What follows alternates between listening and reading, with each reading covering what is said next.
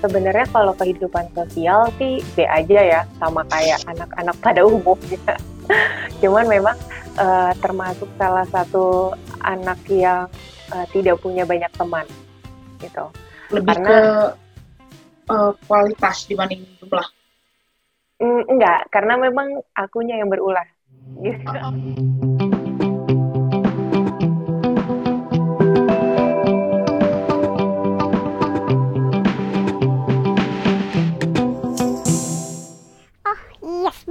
Sebelum kalian lebih lanjut menyaksikan atau mendengarkan konten hari ini, uh, kita mau mengingatkan juga nih teman-teman jangan lupa support aku di uh, YouTube Gloria Charlotte ataupun Spotify Gloria Charlotte melalui blog gloriacharlotte.wordpress.com atau juga melalui Anchor FM, Google Podcast dan juga Apple Podcast Gloria Charlotte. Makin banyak nih platform yang bisa kalian gunakan untuk mendengarkan, membaca dan uh, menyaksikan konten yang aku buat setiap waktu. Jadi minta juga dong supportnya dengan like, subscribe, komen, follow dan share teman-teman. Siapa tahu untuk konten yang kalian tonton, yang kalian baca dan kalian dengar bisa memberikan support yang positif untuk orang-orang di sekitar kalian. Thank you. Jadi ada sejarahnya lah pokoknya singkat cerita itu pas uh, di uh, eh, SD lah mm-hmm. uh, eh, SD itu karena memang uh, kebetulan satu kelas itu kan banyak yang udah les les piano les mm-hmm. biola terus ada yang punya kegiatan selain sekolah gitu cuman kan aku kan memang uh, kegiatannya cuma sekolah pulang sekolah pulang akhirnya supaya aku uh, into in conversation gitu sama mereka jadi aku kadang suka ngaku-ngaku iya gue juga kok udah les uh, biola udah les piano. Nah sampai akhirnya mereka juga mungkin masuk sih uh, kalau misalkan udah les kok nggak pernah nggak ada yang tahu? Gitu. Sampai akhirnya uh, ya kebohongan-kebohongan masa kecilku itu akhirnya terungkap. Nah di kelas 4 kelas 5 itu uh, udah mulai tuh uh, dijauhin karena uh, aku yang suka uh, bohong-bohong yang masalah aku punya punya kapal terbang lah punya apa pokoknya yang yang receh-receh gitulah. Nah, sampai akhirnya uh, masuk SMP uh, sama aku juga nggak punya banyak teman. Cuman di situ aku ngerasa minder karena uh, untuk tahun 2007 mereka tuh udah cantik-cantik gitu yang uh, kulitnya bersih sedangkan aku tuh dulu waktu lulus SD aduh nanti mungkin aku bisa kasih fotonya ya. Ah oke. Okay. compare sama gue gimana? Jauh jauh banget. Bener-bener yang kayak kulit aku tuh hidung atau hidung-hidungnya yang uh. hitam hitam-hitamnya kemudian di zaman itu udah mulai ada cheerleader kemudian udah ada ekskul dance. Cuman aku nggak berani masuk karena penampilan penampilan sih lebih ke fisik jadi mulai dari postur tubuh, kemudian warna kulit sih yang paling uh, aku compare sama yang lain karena dulu dari aku SMP aku menganggap orang cantik itu kulitnya putih, badannya ya. kurus. Betul. yang kayaknya nggak ya. ada lemak, itu cuma ada tulang, daging, dan dibalut uh, sama uh, kulit-kulit tipis yang bersih ada pori-pori. Self juga gue ini padahal udah di bawah lampu tapi kulit gue masih gelap. Ah, oke uh, oke. Okay, okay. uh, tapi ya. itu singkat yang, cerita gitu ya. Kurang lebihnya kayak gitu. Dan itu berlangsung sampai kuliah. Sampai kuliah. Berarti sekarang lo udah kerja udah nggak ada di zona itu? Lo udah nggak. Oh, terus nggak lama gue ngeliat feed Instagram lo tuh yang menyinggung tentang stretch mark. Terus setelah itu muncul lagi feed Instagram lo yang membahas tentang ternyata lo punya uh, birthmark ya di, uh, di salah satu lengan lo. Ini gue tunjukin kelihatan nggak? Nggak kelihatan ya? Itu tuh. Oke, okay. kelihatan kelihatan kelihatan. Nah, ini yang menurut gue menarik karena nggak semua orang berani untuk melakukan hal itu. Gue juga punya stretch mark, gue jelas. Cuman uh, gue belum atau gue atau orang-orang lain perempuan belum berani menunjukkan terus uh, publish gitu ya mempublish bahwa aku punya stretch mark, aku punya tanda lahir, aku punya. Kalau orang kecil zaman dulu punya tompel, apalagi yang punya tompel tuh. Kasihan iya. nggak? Ya. Iya benar. Itu bisa bikin orang minder. Uh, jujur sebenarnya aku mau posting kayak gitu udah lama dari aku awal kerja gitu. Kenapa? Karena jadi ada satu titik balik di mana aku lagi workshop di tempat kerja di luar kota. Kemudian ada satu malam di malam minggu kita kayak uh, santai lah nggak ada workshop. Terus aku di situ cuma pakai kaos sama celana pendek gitu. Nah di situ kelihatan lah selulit dan uh, segala macam garis-garis yang indah itu mulai dari betis kemudian di lutut. Karena pada saat itu aku dari kurus ke gendut dan kurus lagi hmm? gitu. gendut ya? Oh, gue gak Cepet. Awalnya aku masuk kerja itu berat badan 51. Kemudian hmm uh, pada satu workshop itu aku beratnya 59. Oh, okay. Nah, eh sebelum sebelum workshop itu 59. Nah, pas workshop itu di 54. Oh, jadi dari kurus gemuk ke kurus Gendut, lagi. Ya, dan itu cuma makan waktu dua minggu. Secepat itu, rahasianya apa? Secepat itu. Kalian kurus dong. kalau aku gampang aku tuh kalau udah merasa berat badannya lebih uh, berat itu biasa aku eh, nggak uh, makan malam hmm. yang bikin aku gendut itu dimakan malam jadi kalau aku makan pagi sama makan siang aja tapi nggak makan malam tiga hari aja pasti turun satu kilo oh oke okay. itu ya cara orang mendapatkan berat makan malam oke okay, note ya. Okay. nah Terus? kemudian di situ teman-teman aku yang kayak ih bagus banget sih lu badannya kenal deh gue. Sedangkan aku ngerasa Hah, ini uh, baru pertama kali nih gue denger ada yang enggak sih sebenarnya nggak pertama kali. Uh, pacar aku juga sebenarnya dia malah pengen aku tuh nunjukin bagian-bagian yang emang menurut aku itu harus disembunyiin. Mulai dari tanda lahir di sini terus ditumit. Makanya aku kadang kalau pakai baju yang nggak pakai lengan atau cuma tali gitu atau baju pendek yang di atas lutut biasanya aku tuh kalau foto dari jauh atau foto dari dekat tapi aku edit pakai Lightroom oh, jadi baik. mungkin tanda-tanda itu tidak terlihat gitu nah okay. uh, eh, sampai akhirnya di situ aku ngerasa di appreciate banget sama hampir semua tim dan waktu itu workshopnya kan nggak cuma dari Jakarta jadi hmm. semua teman kantor ke Indonesia kumpul dan mereka mengatakan hal yang sama. Nah di situ aku rasanya pengen update tuh di saat itu juga. Cuman ah ya udahlah ntar aja. Nah kenapa tiba-tiba kemarin aku akhirnya jadi update? Karena aku mikir ini udah tahun 2020 dengan kondisi aku nggak tahu ya ngerasa kondisi pandemi saat ini yang bikin kita terbatas untuk bersosialisasi di luar mau nggak mau kan kita bersosialisasi kan di media sosial sedangkan oh. kalau yang namanya media sosial itu kalau kita dapat komen atau dapat uh, omongan yang nggak nggak enak didengar itu kayaknya uh, hampir tidak mungkin terjadi kecuali kita selebgram gitu ya. Ya. Paling okay. mereka juga cuman oke okay, nih gue lihat ih gila ada ininya gila ada ininya. Ya udah kan gue nggak denger. Mereka cuman pada saat ngeliat fotonya aja tapi mereka kalau komen juga kan nggak mungkin. Mungkin karena gue bukan siapa-siapa. Ya. Jadi kemarin itu menurut gue ini waktu yang tepat supaya aku juga belajar untuk menghargai diri aku sendiri. Menyadari punya stretch mark itu dari kapan? Dari SMA. Kalau SMA itu adanya di lutut. Sisanya nggak ada stretch mark. Cuman oh. stretch mark itu dari jadi dulu aku SD kelas 3 pernah ada suntik vaksin kanan sama kiri. Nah, yang sebelah sini jadinya keloid, yang sebelah sini jadinya tanda bercak-bercak hitam gitu. Oh. Nah itu jadi sebenarnya dulu aku nggak punya ini, baru kelas 3 SD aja muncul setelah suntik.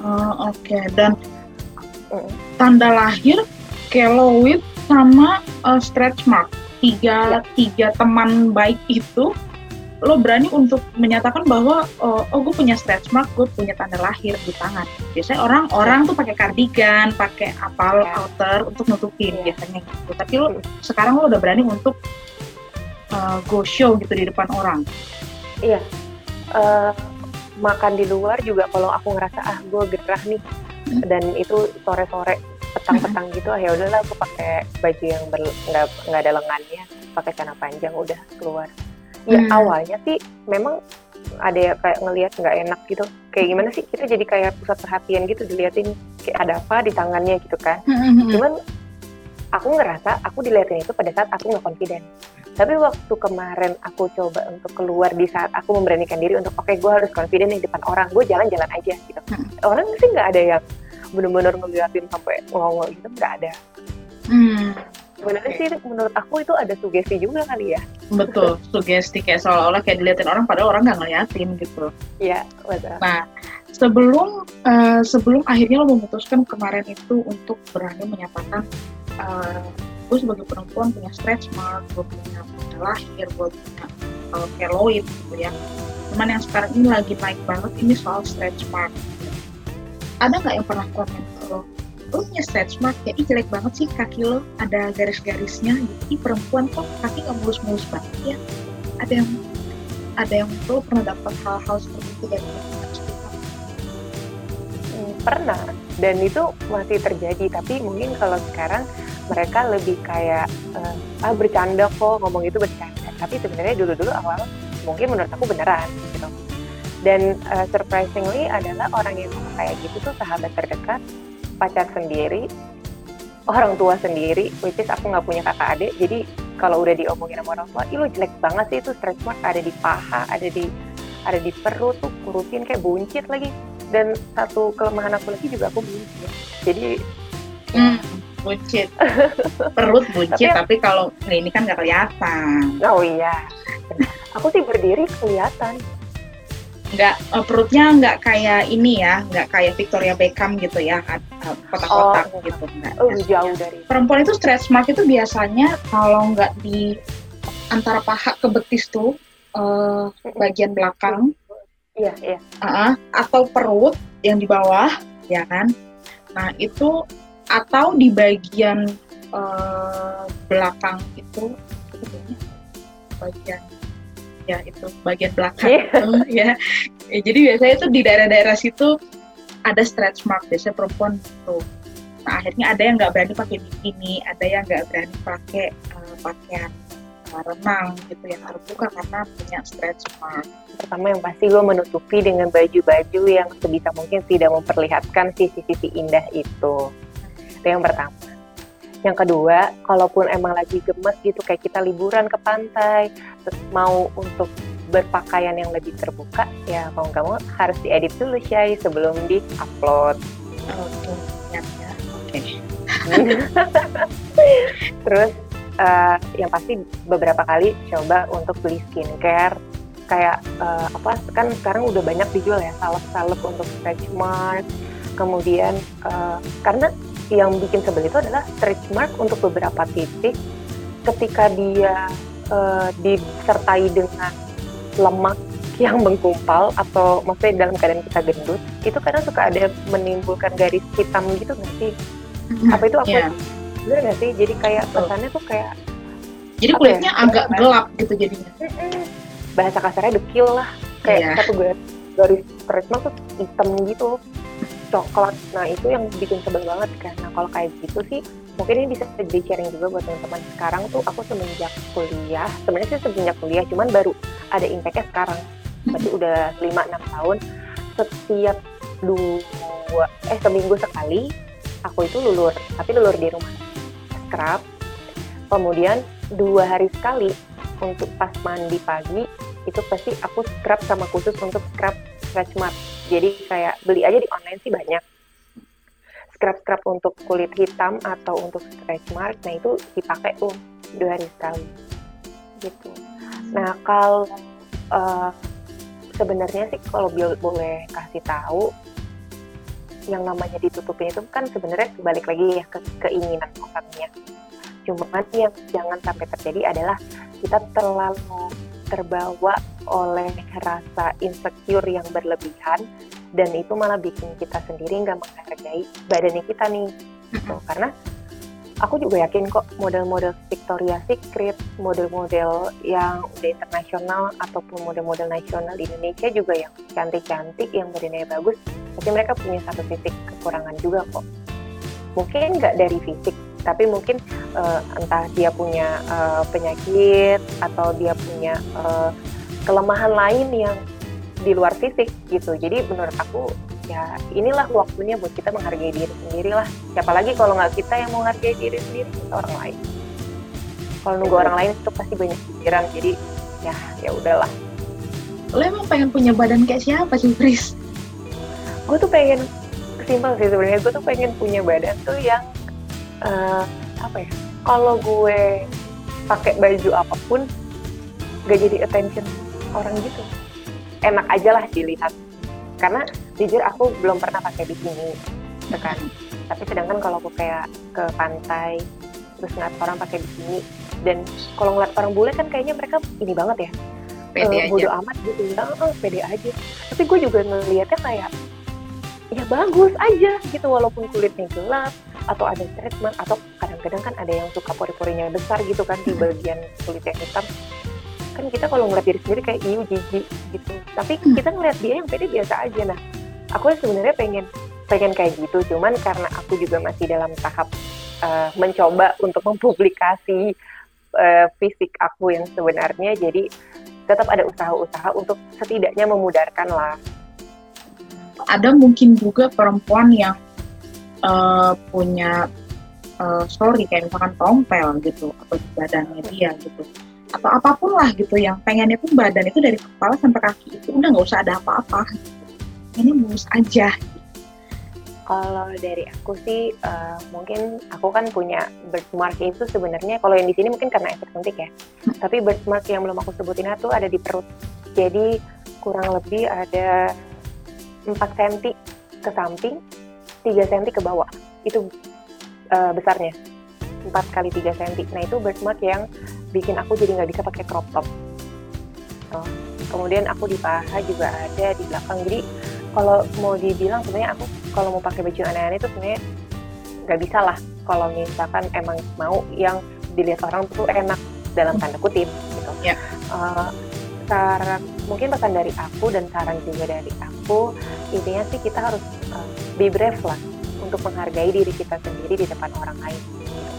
Jadi sampai kapan pun ketika kita menuntut orang lain untuk menghargai diri kita, ketika kitanya juga nggak menghargai diri kita sendiri itu akan terpancar dengan sendirinya dan mereka juga sulit pasti untuk menghargai kita bukan hanya dari segi fisik dari segi intelligence juga pasti kayak gitu. Dari segi knowledge juga pasti kayak gitu. Ketika kita appreciate sama apa yang ada dalam diri kita kemudian kita munculkan itu depan orang mereka lama-lama mungkin yang awalnya nggak sejalan atau nggak sepemahaman dengan apa yang kita pikirkan lama-lama mereka juga bisa melihat bahwa ada beauty di balik itu.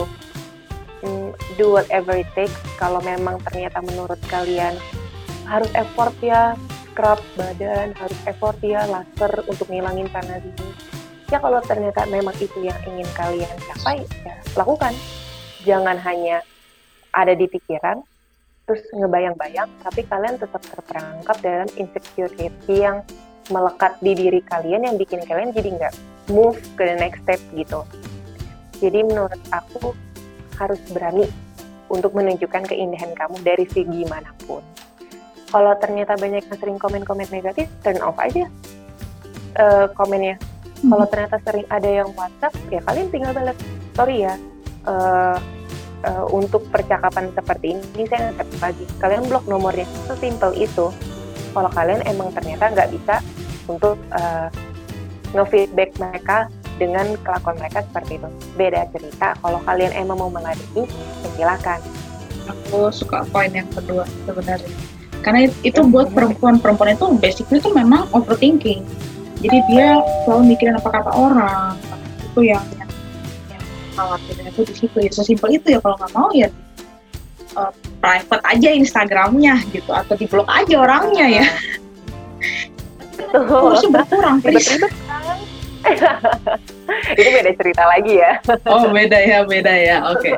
Jadi eh sebenarnya simpel cara-cara kita sebenarnya simpel ya cuman tergantung dari kitanya mau eh, nanggepin atau enggak gitu sama Oh. itu wajar menurut lu wajar perempuan punya stretch mark Wajar banget. Dan eh, fun fact-nya adalah semua teman gue, bener, literally semua teman gue yang gue anggap teman ya, hmm? punya stretch mark. oh berarti wajar ya semua Wajar. perempuan punya stretch mark berarti punya. hmm, baik baik baik kalau gitu